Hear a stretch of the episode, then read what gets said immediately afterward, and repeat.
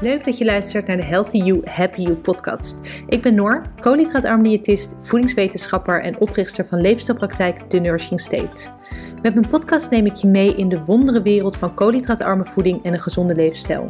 Ik laat je zien dat het echt niet ingewikkeld hoeft te zijn en samen met mijn gasten motiveer ik je om die volgende stap te zetten. Stap voor stap naar een gezonde leefstijl waar jij blij van wordt. Welkom bij de Healthy You, Happy You podcast. Ik ben vandaag met Louisette. We zitten in een klein hotelkamertje in Rotterdam. Louisette, wil je je even voorstellen? Nou ja, goedendag. Louisette Blikkenhorst, oprichter van Ketogeen Instituut Nederland. En we zijn hier in Rotterdam, mijn uh, hometown. Ja, ja, ja. We hebben eerder een podcast opgenomen. Dat was eigenlijk met de insteek van... joh, diëtisten vinden het ketogeen dieet eng. Ja. Nou, daar uh, ben ik het absoluut mee eens. En dat merk ik ook heel erg in de praktijk. Dat merk jij natuurlijk ook. Ja. Je bent oprichter van Ketogeen Instituut Nederland. Merk jij dat er steeds meer interesse en ook steeds meer ruimte komt voor het ketogeen dieet of de ketogene leefstijl? Ja, zeker. Ja, eh, zeker sinds afgelopen zomer. Ik weet niet uh, waar het nou door komt. Misschien oh, na het coronajaar dat iedereen nu weer een beetje uit zijn kokon komt en uh, weer op onderzoek uitgaat. En ik merk dat er nu echt wel ja, veel meer aanwas is, vooral uit, uit therapeutenhoek, mm. moleculair therapeuten, maar ook steeds meer gewichtsconsulenten, voedingskundigen. En ook heel en diëtisten? Diëtisten, heel voorzichtig. voorzichtig. Een enkeling, ja. Ja. ja. omdat het natuurlijk zo haak staat op het soort van het normale pakket en wat je geleerd krijgt. Dus ik kan me ook voorstellen dat je als diëtist echt wel tegen wat dingen aan moet lopen. Of in je begeleiding, resultaten die uitblijven voordat je dat daadwerkelijk gaat doen. Ja. Maar wel grappig om te merken dat dat dus zeker sinds de zomervakantie dat dat meer, uh, nou, meer in trek komt of meer aandacht krijgt. Ja. ja, geen idee waar het nou vandaan komt. Maar... Nee, maar wel goed, want daar, precies, daar worden wij natuurlijk blij van. Deze podcast willen we het specifiek gaan hebben over exogene ketonen. Jij vertelde al van, joh, ik wil daar een podcast over maken. Ik had het een beetje door een soort van Q&A gevlochten. Maar ik weet nou niet heel veel van exogene ketonen. Dus ik stelde voor, joh, als ik jou nou interview, dan kun jij ons mee gaan nemen in de wondere wereld van exogene ketonen. Ja. Toen ik in Australië woonde, toen was dat daar eigenlijk al best wel een ding. En veel mensen gebruikten het ook. Zeker bij migraine. Dat is eigenlijk waar ik het toen uh, van ken, omdat ik zelf ook migraineklachten heb. Dus toen kreeg ik dat aangeraden in Nederland een heel stuk minder bekend en ook een heel stuk lastiger om aan te komen. Dat moet volgens mij best wel even via een omweggetje. Maar neem ons mee in het verhaal. Wat zijn exogene ketonen? Ja, exogene ketonen is eigenlijk hetzelfde als de ketonen die je produceert als je zelf een ketogene dieet gaat volgen of als je gaat vasten bijvoorbeeld. Alleen zitten ze in een zakje of gebonden aan zouten of gebonden aan vetten, aan esters noemen ze het ook wel. Ja. En ja, zijn kant-en-klare ketonen. En als je ze inneemt, ben je eigenlijk, ja, zodra ze opgenomen zijn, ben je in ketose. Dan kan je dus meten in je bloed of in je urine dat er ketonen aanwezig zijn. Dus het zijn eigenlijk ja, kant-en-klare supplementen die ja. ketonen bevatten. En die er dus voor zorgen dat jij dus in ketose zit. Maar daarvoor hoef je dus niet echt qua voedingspatroon in ketose te zitten. Ja. Hoe gaat dat dan in je lichaam? Want ketonen zijn natuurlijk een vorm van energie. Als je heel hoog in je koolhydraten zit en daarnaast ook nog ketonen binnenkrijgt, wat gebeurt er dan? Ja, dat is natuurlijk niet de natuurlijke manier. Nee. Want normaal gesproken, als je zelf in ketose gaat, dan moet je eerst zorgen dat je bloedsuikers juist heel laag zijn, mhm. voordat je überhaupt naar de ketogenese en de ketose gaat natuurlijk. En als je het gewoon inneemt, terwijl je morgens een, uh, een boterham met haagslag gegeten bijvoorbeeld, en je neemt daarna ketonen in, ja, officieel ben je dan in ketose, want je kan ze wel meten in je bloed. Ze zijn aanwezig en kunnen hun werk doen. Ja. Maar het grappige is, en dan kom ik misschien nog wel terug eh, als we misschien nog over sporters gaan hebben zometeen. Er is een bepaalde metabole prioriteit, dus uh, een volgorde waarin het lichaam bepaalde brandstoffen benut of mhm. verbrandt. En op nummer 1 is het alcohol. Zodra de alcohol binnenkomt, dan, dan stopt de rest. Ja, daar willen we vanaf. Ja, dan wil je eerst die alcohol weg hebben. En exogene ketonen, dus niet, niet de endogene natuurlijke zelfgemaakte ketonen, maar de exogene ketonen, die staan op plaats nummer 2. Ah. Boven eiwitten, boven glucose, boven vetten. Dus op het moment dat je exogene ketonen inneemt, kan het dus zijn dat je glucosebenutting en je, uh, je vetverbranding op een lager pitje komt te staan. Dus nou, ik vorm meteen een conclusie in mijn hoofd. Is dat wat we willen? Is dat wat we willen? Volgens Precies. mij niet. Nou, ik denk dus dat het kan zeker positieve bijdrages uh, leveren. Het kan ervoor zorgen dat je insulinehuishouding wat, uh, wat rustiger wordt. Mensen hebben een verzadigd gevoel, omdat ze toch ineens heel veel energie binnenkrijgen. Hè? Want uh, de spieren en de hersenen krijgen opeens lekker extra energie, dus de, die cravings nemen af. Mhm. Dus het is makkelijker om tussen maaltijden door bijvoorbeeld ja, niet te snoepen. Ja. Dat, dat helpt zeker mee. Maar ja, ik vind het niet een natuurlijke manier. Als je daarnaast uh, gewoon 250 gram koolhydraten per dag eet, wat een normaal Nederlands voedingspatroon ongeveer is. Dat je daarbij ook nog heel veel ketonen neemt. Ik denk toch dat je dan iets verstoort. En, ja, uh, toch. Want dan heb je eigenlijk gewoon energie op energie. Wat jij dus ook zegt, er is een bepaalde volgorde. Dus je lichaam gaat eerst met die ketonen aan de slag. Dus die koolhydraten en zeker dus ook je bloedsuiker, die blijft dan dus ook langer hoger, neem ik aan. Of het wordt opgeslagen in vet. En dan krijg je weer een averechts effect. Dus precies, ik weet niet helemaal vooruit hoe dat nou precies zit. Maar het is niet een natuurlijke manier. Nee. Nee. Nee, en dan is het dus wel zo dat er nou ja, bepaalde neveneffecten eigenlijk aan die ketoninname of die exogene ketonen gekoppeld kunnen worden. Dat je dus minder last hebt van cravings, dat je nou ja, dus makkelijker je aan drie hoofdmaaltijden kan houden. Dus dat kunnen dan natuurlijk wel de voordelen zijn. Ja. Nou ja, de eerste vraag is dus wat zijn de exogene ketonen? Dus eigenlijk wat je lichaam zelf produceert, neem je in een zakje of in een flesje. Want wat zijn de soorten? Hoe, hoe ziet dat eruit? Hoe kun je ze nemen? Nou, keton, ketonzuren eigenlijk zijn het. Hè. Die kan je nooit zo los in, in, in de verpakking stoppen mhm. en innemen. Want dat kan gewoon niet. Dus je moet ze binden aan of zouten. Dat zijn dus magnesiumzouten, uh, natriumzouten, kaliumzouten. Dat soort zouten eigenlijk. En als je ze aan elkaar bindt, dan heb je een poedertje en dan kan je oplossen in water en dan kan je het opdrinken. Ja. Um, is natuurlijk van nature heel erg zout. Dus vandaar dat in sommige merken onwijs veel zoetstoffen zitten. Ja, want we hebben hier ook eentje liggen en daar zit heel veel zoetstoffen in en die is ook heel zoet. Ja, erythritol ja. zit erin. Ja, precies. En uh, daar kunnen ook mensen last van hebben natuurlijk, van, uh, van zoveel zoetstoffen. Maar um, ja, het schijnt dat je er ook aan bent. Als je er ja. in het begin last van hebt. Ja, want daar, daar uh, refereerde je net al even naar. Niet in de podcast, dit was ervoor. Dus niet dat je nu denkt, dat heb ik niet gehoord. Ja. Mensen met darmklachten. Die natuurlijk heftig op die zoetstoffen kunnen reageren. Ja. Maar dat er dan dus ook de vraag is. Je zegt van dat dat kan wennen. Maar is dat dan natuurlijk slim om dat op die manier te doen? Of wil je eigenlijk eerst je darmgezondheid herstellen? Ja. En die niet zo constant blijven triggeren met eigenlijk stoffen die, die niet zo lekker gaan. Nou, ik denk dat het echt, omdat we er nog zo weinig van weten eigenlijk, dat het echt een kwestie is van trial and error. Hmm. Om uitproberen wat werkt bij jou en wat niet. Dus, dus je hebt deze vorm gebonden aan die zouten. Dat kan dus darmproblemen geven bij sommige mensen. Anderen gaan er juist fantastisch op. Dat, die hebben een betere stoelgang dan ooit tevoren. Dat hoor ik ook nog wel eens. Hoe is dat bij jou? Want jij gebruikt ze zelf ook wel eens? Ja, bij mij. Ik, ik merk heel weinig. Ik heb echt nee. uh, olifantendarmen. Die kunnen overal tegen lijken. Oké. Dus dat uh, is mooi meegenomen. Er is nog een andere variant, die zijn gebonden aan esters, een soort van vetten, dus glycerol of butadiol, als ik goed zeg, butandiol. En zit dus in flesjes kant en klaar, die kan je zo opdrinken. Ja. Het schijnt dat de oorspronkelijke vorm smaakt als, uh, als vliegtuigbrandstof. oh, lekker. Ja, dat het echt heel erg vies is. Okay. Ik hoorde pas nog iemand die zei, ik heb wat geprobeerd van een, uh, die had het via een, webshop in Nederland gekocht. En die zei, oh, ze krijgt echt niet weg, zo smerig. Oké. Dat, uh, nee, dat meteen gestopt. In Amerika heb je merken die al wat beter te doen zijn, maar ook daar moet je oppassen. Als je er te veel van inneemt, krijg je natuurlijk gewoon darmloop of buikloop. Want ja. er zit zoveel vet en zoveel belasting voor je, voor je darmen. Dat, dat wil je niet. dan komt het er de onderkant weer uit. Dus dat kan best wel wat problemen geven. Ja. ja, dus dat zijn de twee soorten. Wanneer zou je welke soort inzetten? Nou, want ik van je portemonnee af. Ja, ja. dat een verschil? die esters zijn onwijs duur. En die moeten uit oh. Amerika komen. Er zijn ook wel wat oh, varianten in Nederland te krijgen, maar ze zijn gewoon onwijs duur. Ook maar omdat ze van zover komen? Of is het ook het proces van, van de... product. Oh, oké. Ja, dat ga je niet voor je... Niet dit als hobby doen, zou maar zeggen. Oh. Dat is echt wel een dure business. Oh, dat wist ik niet. Ja. En ja, ik denk dat de meest praktische manier de, de ketonen zouten zijn. Ja. Omdat je punt 1 veel toegankelijker zijn. De smaak is gewoon veel beter. Je kan het in een zakje meenemen, oplossen in wat water en, ja, en, dat is ook handiger. Ja. En ja, het, mooie is, je weet natuurlijk als je in ketose raakt, dat je wat, uh, wat zouten kunt verliezen. Ja. En die zitten hier al Dus dat je die meteen erbij krijgt. Want ik draai eventjes de verpakking om. Ja. Er zit iets qua koolhydraten in. Ja, toch wel. Zijn, ja, zijn er mensen die daarover breken? Ik kan me voorstellen, juist omdat je dit, uh, want het is 6 gram per zakje. Ja, precies. Maar ik, ik, uh, de meeste mensen kunnen met een half zakje per dag wel toe.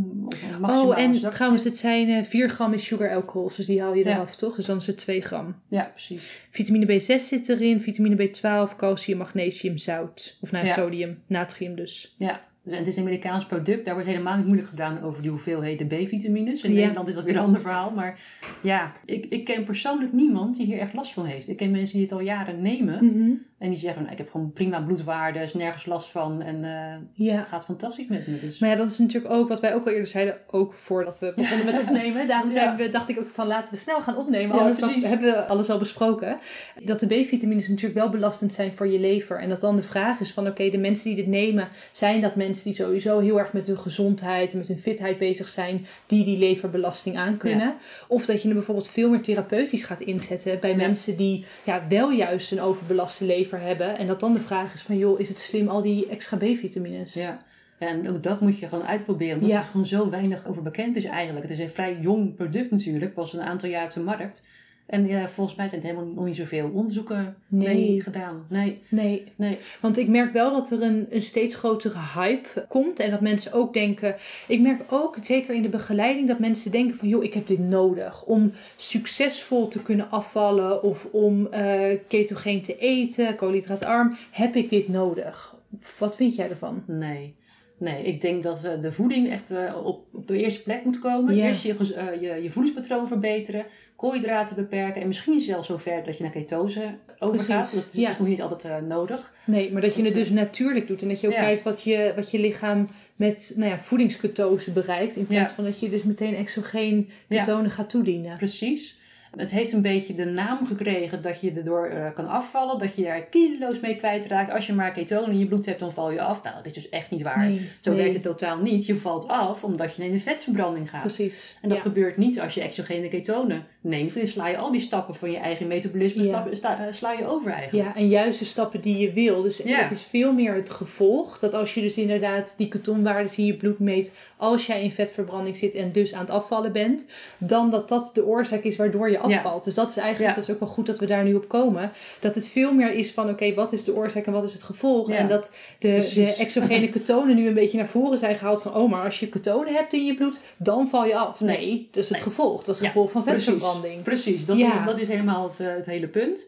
Het kan wel in sommige gevallen als er mensen zijn die echt heel erg moeite hebben om de tussendoortjes te laten staan. Eh, of om die switch te maken naar gezondere voeding. Die je zo ja, suikerverslaafd zijn, mm -hmm. zo maar even zeggen. Dat ze gewoon niet ja, de, rust hebben om, uh, om dat te kunnen gaan doen, om, dat, om dat te kunnen laten staan. Dat je dan zegt van nou, neem daarbij exogene ketonen. Dat geeft al wat meer rust, dat geeft je energie. Zorgt voor iets stabielere insulinespiegel. Mm Dus je komt al wat meer in een rustiger metabolisme. Maar ga daarnaast ook aan je, aan je voedingspatroon werken. Want punt 1, je eigen geproduceerde ketonen zijn gratis. Precies, daar deze, zo'n zakje kost al snel uh, 8 euro per zakje. Ja. Als je het elke dag dus moet gaan per slikken. portie. Ja, per portie. Ja. ja. Dus eigenlijk, je zou het wel als een soort van overgangsfase kunnen gebruiken om dat dus makkelijker te maken als je daar dus moeite bij hebt. Wat zijn andere, nou ja, andere redenen om dit in te zetten? Het leuke is dat het ook kan helpen bij de keto-adaptatie. Want normaal gesproken als je in ketose raakt, en dan moet je lichaam wennen hè, aan, de, aan die aanwezigheid van ketonen. In het begin plas je er heel veel van uit juist. En uh, hoe, verder je, of hoe langer je in ketose bent, hoe meer van die ketonen je gaat benutten. Ja. Hè, in, je, in je spiercellen en allerlei andere cellen gaan die ketonen gebruiken voor hun brandstof en voor allerlei andere functies. Hartstikke mooi.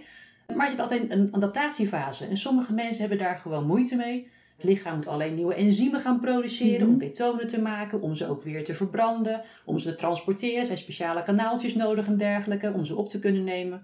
En de ene heeft dat binnen een paar weken voor elkaar, de ander moet daar maanden over. Ja. En loopt een beetje te, te, te sukkelen eigenlijk. En dat heeft ook te maken met je beginsituatie, toch? Als jij metabolisch flexibel bent, dus makkelijk van je vetverbranding naar je koolhydraatverbranding over kan gaan, dat zal helpen in die adaptatiefase, toch? Ja, nou ja, ook. Uh, er komen bepaalde kanaaltjes tot expressie ja. op de cellen, zo maar zeggen. Vooral in het brein zien we dat heel mooi. Uh, die zich als het ware openstellen om die ketonen te ontvangen. Ja, die moeten ook even wennen. En dat werkt op aanbod. Dus hoe meer ketonen er zijn, hoe meer van die kanaaltjes er open gaan staan. Aha. Dus die, die cellen willen die, die ketonen echt opslurpen eigenlijk. Ja. En hoe meer ketonen er zijn, hoe sneller dat gaat. Als ja. iemand dat van nature nou heel langzaam doet, dan kan je zeggen van nou, we gaan exogene ketonen uh, erbij inzetten. Om die adaptatie op te, ja, op, ja. op te snellen, zo versnellen eigenlijk. Waardoor je eerder geadapteerd bent. Dus dat, dat kan ook voor, voor mensen zijn die bijvoorbeeld een snip hebben. Hè? Ik weet niet of je dat kent. Nee. uh, op, je, op je genen kan je bepaalde snips hebben, bepaalde uh, predisposities. Ja. Die bepaalde ja, mechanismes in het lichaam kunnen blokkeren. Bijvoorbeeld oh. dat je uh, oestrogeen niet goed afbreekt. Ja. Of dat je andere stoffen niet goed kunt verwerken. En er zijn ook mensen die kunnen niet heel erg goed met ketonen omgaan. Oh. Door, door bepaalde ja, snips, noemen ze van, ik ken er geen goed Nederlands woord voor, maar een, SNP, een, een, mutatie. Een soort mutatie, ja, precies. Hmm. Ja. Komt dat veel voor? Ik weet niet of het in geval van ketonen heel veel voorkomt, maar bepaalde mutaties komen best wel veel voor. Ja. Ook uh, in Nederland, ja. Ah. Waardoor je bepaalde, bijvoorbeeld vitamine B11 is zo'n typische, of foliumzuur, het is een typische ja. snip. Een typische oh. mutatie die we veel zien, waardoor mensen ja, niet goed kunnen methyleren bijvoorbeeld. Mm, en dat kan dus ook voor ketonen zijn. En in dat geval is het dus goed om die exogene ketonen op deze manier toe te dienen. Want er komen dus meer van die soort van pathways, wat ja, jij noemt. precies. Ja, ah, dan wordt, ja. wordt de, loper uitgerold. Ja.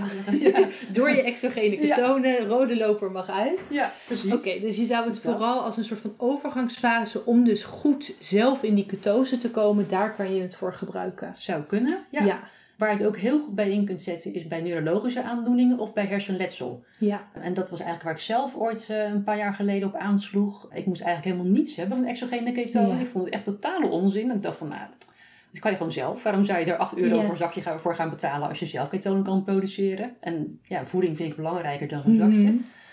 En toen dacht ik ineens, ik had een paar boeken gelezen, ook over hoe zet je MCT-poeder of olie in, of uh, exogene ketonen bij, bijvoorbeeld de ziekte van Alzheimer, noem maar even wat. Maar ook bij traumatisch hersenletsel. Dus toen dacht ik ineens, ja, stel dat iemand in mijn familie Alzheimer klachten krijgt, of ik mhm. val van de trap en ik heb een hersenschudding, dan wil ik eigenlijk zo snel mogelijk ketonen in mijn systeem hebben, om dat brein te voorzien van extra energie. Maar je krijgt een soort van glucoseopnamestoornis in het mhm. brein als er een letsel is, of dat nou acuut is of een, of een ziektebeeld.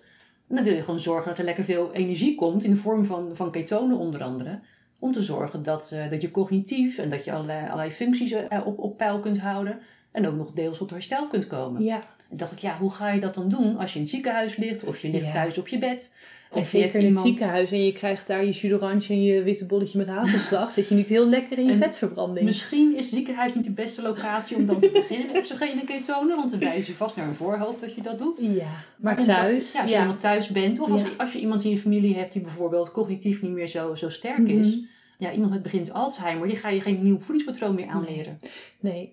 Dus dan zou je dit heel goed kunnen inzetten om te zorgen dat ze in ieder geval ja, cognitief en motorisch gewoon langere tijd ja, op, op, op peil blijven of, of hun dagelijkse dingen kunnen blijven doen. Ja, dus dat is echt... heel veel waard, omdat uh, als je ja, dat kan, zeker. Uh, ja, ja, kan bereiken. Ja. Dus dan als therapievorm dat je het op die manier inzet. Ja, Zijn er al onderzoeken naar gedaan? Volgens mij wel ehm, iets, toch? Ja, nou, er is bijvoorbeeld een heel mooi boek wat je kunt kopen van Mary Newport heet ze, een Amerikaanse arts. En haar verhaal is dat haar man, Steve, Steven, Steve, geloof ik, die was al heel jong dat hij kenmerken kreeg van Alzheimer. Mm Nog voor ergens begin van zijn vijftigste, nou, ergens daar. En toen moest hij allerlei onderzoeken gaan doen. En toen had zij, eh, zij was zelf neonatoloog. Dus in het ziekenhuis als arts werkte ze op de, de, de vroeggeboren afdeling. En daar was ze heel bekend met de inzetten van MCT. Bij die pasgeboren kindjes. Oh, ja. Op wat voor manier zetten ze dat in? Ja, in de voeding. Maar waarom? Het zit ook in borstvoeding, om de hersengroei en ontwikkeling te stimuleren. Zit er MCT in borstvoeding? Ja. Er gaat helemaal een wereld voor me open. Ik wist wel dat er heel veel vet in zit, maar niet dat het per se ook MCT is. Ja, volgens mij wel. Ja. Oh. Ja. Leuk hè? Cool. Fun fact. Ja. Oké. Dus, en toen dacht ze, dat ze iets gelezen over MCT's en bij Alzheimer bijvoorbeeld. dacht ze, ja, waarom niet? Dus is onderweg uh, naar huis, is ze langs de supermarkt gereden, heeft ze een pot kokosolie gehaald. Ja. En heeft ze gewoon lepeltjes gevoerd. En de volgende dag moest hij een, eh, een kloktekening maken. Die had hij al een keertje eerder gemaakt. Teken maar een klok. Nou, het leek helemaal nergens naar. Ja. Er was geen klok uit te halen uit die tekening. En na het inname van die kokosolie moest hij de volgende dag weer een klok tekenen. En toen leek het op een klok. Oh, wauw. En toen dacht ze, hé, hey, en, Zeker uh, zo snel. Zo snel, binnen 24 jaar. En dan ook nog eens met kokosolie, niet eens met MCT of gewoon, dus met deze... Nee, het was gewoon een pot kokosolie Ja. Oh, wauw. Ja. En toen is ze dat natuurlijk verder gaan onderzoeken en gaan, gaan experimenteren. En ze is een MCT gaan geven op een gegeven ogenblik. En uiteindelijk ook exogene ketonen. En zij zei ook van, ik merk duidelijk verschil. Hij was boekhouder of administratief deed hij iets. Hij kon zijn werk al niet meer doen. Hij kon zijn eigen veters niet strikken. Hij kon zich niet meer scheren. Hij wist, hij wist de weg in de tuin al niet eens meer. Laat hmm. staan in de, in de wijk. En als hij dus die MCT's nam, of die kokosolie, of die ketonen, ja. dan kon hij zich morgens scheren. Hij kon zelfs zijn schoenen aandoen. Oh, hij kon gewoon in de tuinieren. Hij kon zelfs licht wat, wat werkjes doen voor hem. Ja. En dat hield hem natuurlijk enorm happy. Want ja, anders zit je maar als een kastplantje ja. Ja, weg te teren. En nu had hij in ieder geval nog kwaliteit van leven. Kijk, hij heeft het niet overleefd. Hij, hij is intussen overleden al een aantal jaar geleden. Maar ze zijn ervan overtuigd dat hij daardoor langer ja, kwaliteit van leven heeft behouden. Ja. Uh, en misschien ook zelfs wel langer geleefd. Dat, dat kan je nooit achteraf nee. bewijzen dat het zo is. Maar, maar het zal in ehm, ieder geval een positief impact hebben gehad op het laatste deel van zijn leven. Ja, zeker. En zij ik hoorde zelfs een verhaal, sorry. Dat hij een keer ergens aan tafel zat en dat hij dus eigenlijk niet aanspreekbaar was. Dat hij, dat hij een beetje afdwaalde. En dat zij een klein flesje in haar tas. Ze zaten met een gezelschap. En zei ze van hier, drink maar eventjes op. En dat heeft hij opgedronken. En binnen een half uur was hij weer gesprekspartner aan tafel en was hij weer uh, bij. Oh, wat mooi. Ja. En daar heeft zij dus een boek over geschreven. Ja. Mary Newport. En volgens mij heet het The Complete Book of Ketones. Maar als je op Newport gaat zoeken, dan vind je hem sowieso. Uh, ja.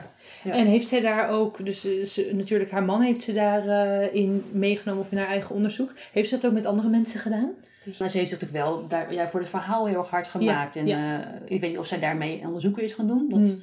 kan ik even niet zo voor, voor me halen. Maar er zijn natuurlijk anderen wel op doorgegaan. Er zijn natuurlijk wel veel meer onderzoekers. Uh, Steven Cunane, uh, Dominic D'Agostino. We vinden die grote... Ja, als je helemaal keto gek bent, dan ga je die hmm. namen herkennen. Maar ook Amy Burger heeft een heel mooi boek geschreven over ja.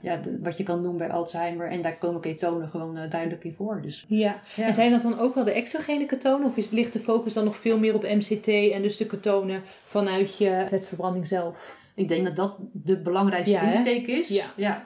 Maar ja, zoals ik al zei, als je iemand hebt die natuurlijk al uh, een beetje ja, achteruit gaat, kan je iemand dan nog een nieuw voedingspatroon aanleren. Dan is er waarschijnlijk niet de ruimte voor. En als je dan op deze manier inderdaad als therapievorm kan inzetten, dan is dat natuurlijk heel mooi. Ja. Ja. ja. Maar ook bij, bij hersenschuddingen bijvoorbeeld. Stel je voor, je valt inderdaad op je hoofd en je hebt een hersenschudding. Dan heb je meteen een verstoring van je energiemetabolisme in je brein. De glucoseopname gaat in, in de hersencellen gaat enorm onderuit. Mm En daar heb je dus heel lang die restklachten van. Ook al heb je een licht hersenschudding, dan zie je daarna dat mensen nog heel lang niet kunnen concentreren, terugkerende hoofdpijn Ik heb het nog steeds. Ik heb twee zware hersenschuddingen gehad in drie maanden tijd. Dat is niet aan te raden. Dat is inmiddels, nou wat is het, ik denk vijf jaar geleden. Ik heb er nog steeds last van. Ja. Ja, precies. Tot hoe lang denk je dat een soort van, dit is even een persoonlijke vraag, maar misschien heeft de luisteraar je ook wat aan. Hoe lang is die soort van herstelwindow? Want nou ja, ik heb nu dus die exogene ketonen naast me liggen. Ik heb ze ook al wel eerder genomen. Goed, het is echt al jaren geleden. In hoeverre denk je dat het nog steeds, of hoe, kijk, dus in ieder geval zo snel mogelijk wil je dat inzetten. Maar waarvan denk je van dit is ongeveer de periode als nu bijvoorbeeld iemand luistert en het was twee jaar geleden? Ik zou zeggen, al is het tien jaar geleden, ga gewoon doen. proberen. Ja, en dan merk je het elke, wel. elke procent winst die je eruit kunt halen is, is meegenomen. Ja, want het is echt ja, het, je kan er gewoon heel lang heel veel last van blijven houden. Inderdaad, met concentratie, maar zeker ook hoofdpijn. Dat is wat ik veel merk. Ja. Dus uh, ik ga ze wel weer proberen om te kijken wat dat doet. Maar mijn vraag aan jou is dan, heb je intussen ook geprobeerd om vaak in ketose te zijn en daarmee... Ja, uh, ja, ja, ja, ja, precies. Dus dan merk ik ook dus het verschil. Want ik ben, dat is ook de reden waarom ik zelf met koolhydraatarm of met keto begonnen ben. Om die hersenschuddingen. Dus ik zat op dat moment in Australië en de diëtist met wie ik samenwerkte, zij is gespecialiseerd in koolhydraatarm en ik deed ook onderzoek daarnaar. Maar dat was dan gewichtsmanagement en diabetes. En zij had zoiets van, joh, jij moet het gewoon zelf gaan doen. Want je hebt nog steeds je... En dat was toen ongeveer twee jaar geleden. Dus dat is de reden dat ik het ben gaan doen. En ik had echt nou opeens helderheid en veel minder hoofdpijn, veel betere concentratie. dus ik heb zeker op het voedingsgebied al gemerkt hoe groot verschil dat kan maken bij hersenschuddingen. Ja. Absoluut. En het mooie is dat je er ook cognitief enorm scherp van wordt. Ik, uh, ik merk het aan mezelf ook. ik kreeg toen die zakjes ook van iemand. En ik had zoiets van, ja, ik heb het niet nodig, want ik ben van mezelf al ja. regelmatig in en deur, weet je wel. Ja. I'm too cool for this. Ja, en toen uh, had net uh, mijn hele cursus, mijn hele opleiding opgeleverd. In de eerste cursusdag gehad en zo. Ik dacht, ah, nu mag ik even rust hoor. En toen kwam er uh, eigenlijk de, de, vraag van, ja, kan je niet nog een tweede cursus maken voor wat minder hoog opgeleid? Dus meer die tweede cursus. En toen dacht ik, nou, ik heb nog geen puff voor momenteel, ik moet er even niet aan denken. toen kreeg ik die zakjes. Nou, binnen een paar dagen heb je oh, echt? ik typen. Ja, ik had echt, ging echt het licht aan boven mijn hoofd. Oh, wow. Zo, hier uh, krijg ik wel heel veel uh, ja, scherpte van. Ja. En toen heb ik dus daarmee die tweede cursus geschreven. Ik was daarna ook gewoon moe. Hè. Het, is, het, is geen, het is geen doop. Het is geen, uh, het is geen speed het is geen zo. drugs. Nee. Is het, ja. als ze het in je bloed vinden... Nou, nee, want het, zijn, het nee. is natuurlijk gewoon... Nee, dat, nee het is gewoon kan, een lichaams eigen stof. Precies. Als, ja. stel je voor dat je een sporter bent en je gebruikt exogene ketonen. Ze kunnen niet het onderscheid maken tussen endogene... Hè, dus eigen aangemaakte ketonen en exogene ketonen. Ja. Ja, ze probeerden het volgens mij op de dopinglijst te krijgen. Maar, dat kan niet. Maar hoe maak je het onderscheid? Precies, een duursporter, die zal mm. voor zichzelf al regelmatig in de vetverbranding gaan en misschien wel over die ketogene drempel en ketose gaan ja. meemaken.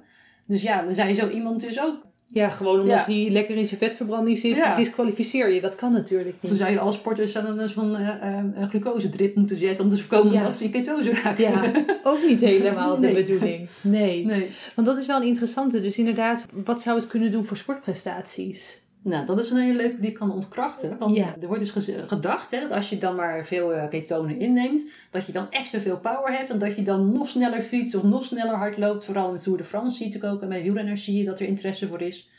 Maar dan kom ik, kom ik weer even terug op het verhaal van die metabole prioriteit. als, als duursporter wil je juist gebruik kunnen eh, maken van je glucose, van je snelle energie. Je wilt kunnen sprinten of je wilt kunnen versnellen. dat kan net het verschil maken natuurlijk. Ja.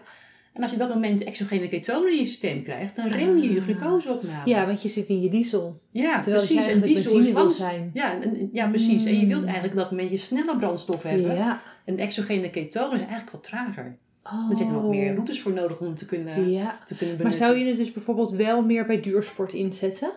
Als ik je zou het minder... bij duursporters wel inzetten, en ook zelfs bij sprinters. Maar dan trainen in ketose. Ja. Dus zorgen dat je metabol flexibel uh, bent, dat je keto-adapted raakt. En dat je lichaam überhaupt ketonen kan produceren, transporteren en, en verbranden. Mm Dat moet je sowieso even aanleren. Maar op de dag van de wedstrijd zou ik geen exogene ketonen gaan nemen. Want dan rem je dus je hele ja. energiehuishouding.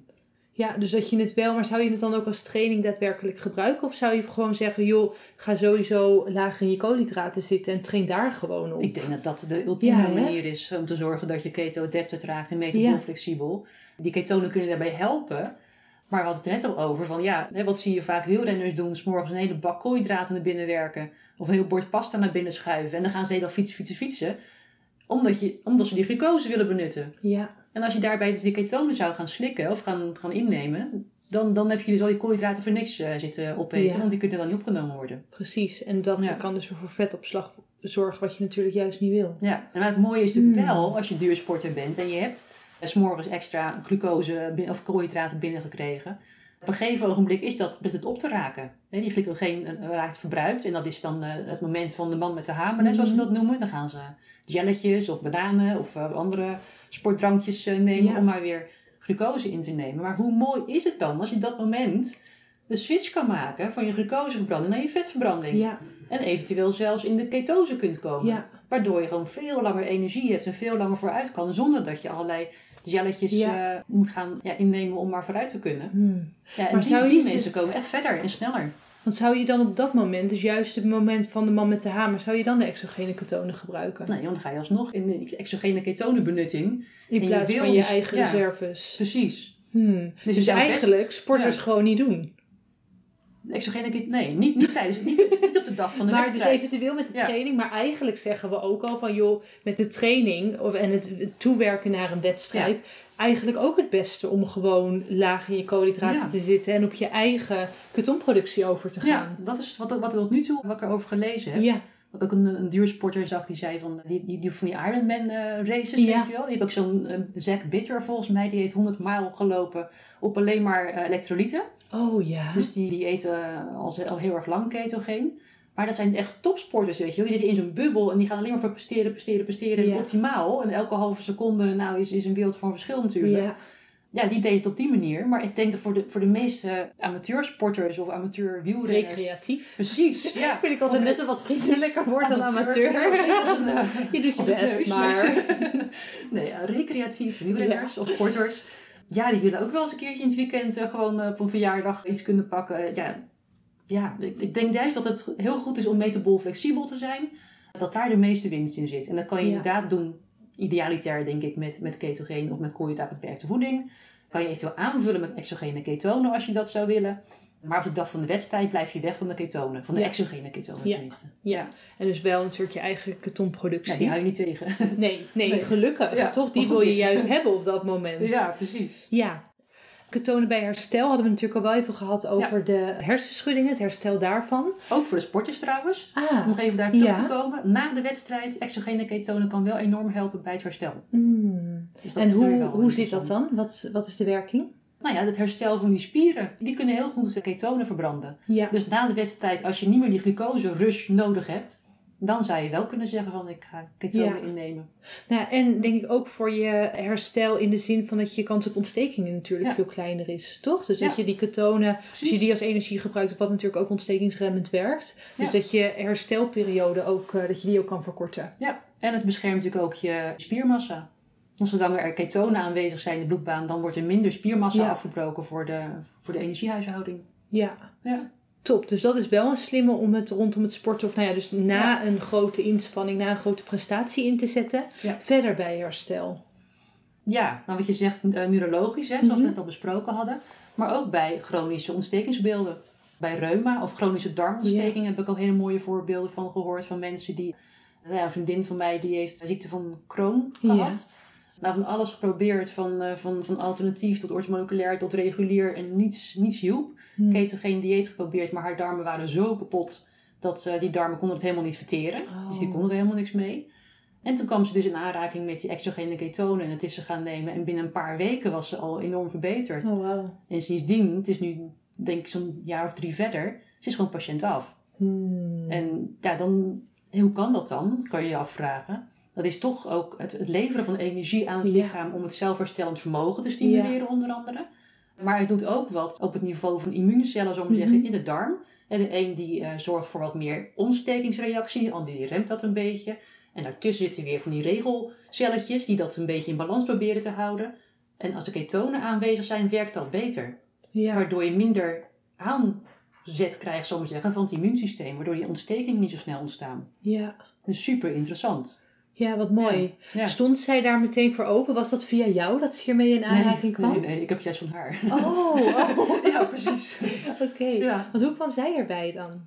Ik heb geen idee. Iemand oh. die, eh, die zei van, joh, ik heb iets over exogene ketonen gehoord. Hoe dat precies is gegaan, weet ik niet. Maar toen is het gaan proberen. Ah. En uh, ja, sindsdien, uh, ze neemt het nog steeds. Oké. Nou, dat, daar was ik inderdaad benieuwd naar. Ze neemt het ook nog wel steeds dus als een soort van onderhoud. Ja, niet meer elke dag. Maar ze zegt zelf ook van ja, waarom zou ik ermee stoppen als ik me zo goed voel? En voorheen was ik patiënt en was ik elke dag in het ziekenhuis of elke week.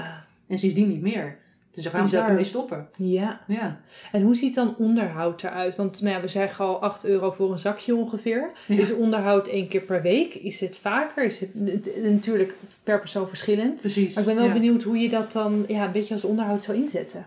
Ja, volgens mij uh, zou je het om de dag kunnen gaan doen bijvoorbeeld. Maar ook even kijken wat je nodig hebt en hoe je erop reageert. Dat is echt heel persoonlijk. Ja. nou ja, want dat is natuurlijk ook. Want zij reageert dan dus juist heel erg goed met haar darmgezondheid. Maar je zou ook kunnen denken van ja, juist omdat er al die zoetstoffen in zitten... misschien iemand anders met de ziekte van Crohn reageert daar helemaal niet goed op. Dat zou best kunnen. Dus dat blijft inderdaad eh, wel de vraag. Met de SIBO, hè, bijvoorbeeld zo'n zo'n zo'n disbalans in de, in, de, in de darmflora en de bacteriehuishouding in de darmen. Die kunnen onwijs reageren op die zoetstoffen. Maar ook op, op die zouten en uh, die ketonen die überhaupt binnenkomen.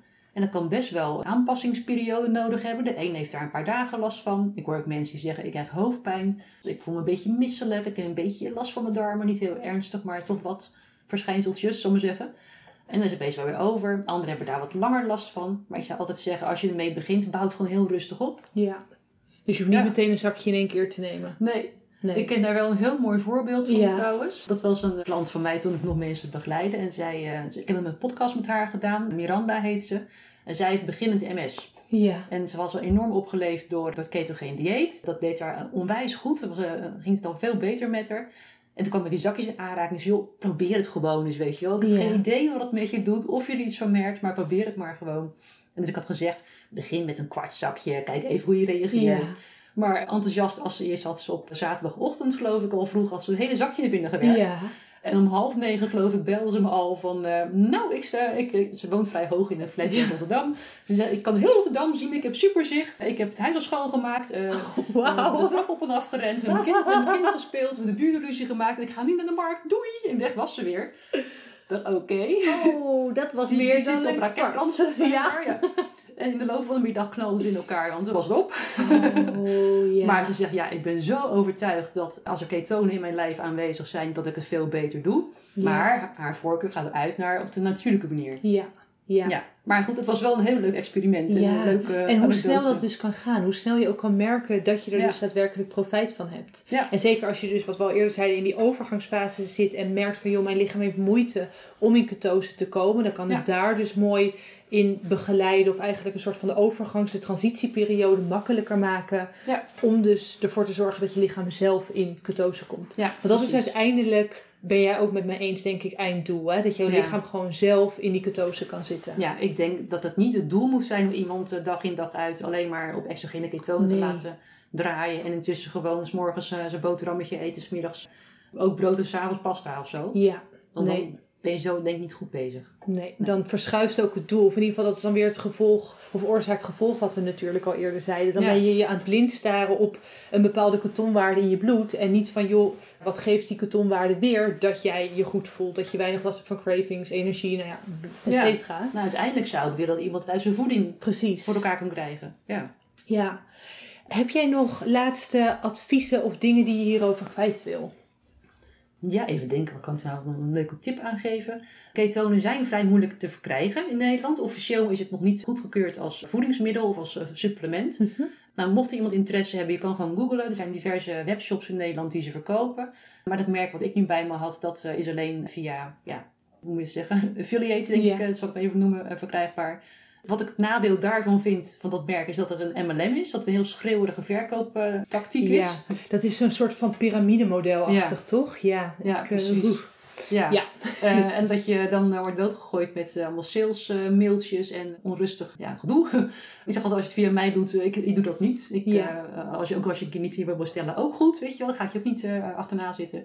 Maar als iemand een keer proberen, stuur me vooral even een berichtje en dan kan. Ja. Maar er zijn ook andere merken te krijgen. Dus. Ja. en dat zal ook steeds meer worden, ga ik vanuit. Hè? Ja. Omdat het natuurlijk wel, er komen ook steeds meer onderzoeken mee. En dus inderdaad ook, er zijn zeker situaties waarin je het dus wel graag wil inzetten. Absoluut. Maar, bottom line, heb nou niet het idee van, oh ik wil afvallen, dus ik moet aan de exogene ketonen. Dat is echt onzin. Het kan ook op een veel blijvende, gezondere manier. Ja, Absoluut. En dus gewoon uiteindelijk met je lichaamsproductie. Ja. ja, dankjewel voor deze uitleg. En ook om ons een beetje nou ja, door de exogene ketonen heen te navigeren. Ja, graag gedaan. Ben je klaar om in actie te komen? Top! Toch wat twijfels of vragen? Je hoeft het niet alleen te doen. Plan via onze website www.thenursingstate.com een vrijblijvend kennismakingsgesprek in. Dan denken we persoonlijk met je mee of een koolhydraatarme leefstijl ook bij jou past. Tot slot wil ik je om een kleine gunst vragen. Wil je de Healthy You, Happy You podcast beoordelen op Spotify of Apple Podcast? Dan kan ik nog meer mensen helpen naar een healthy, happy leven. Dankjewel en tot de volgende keer.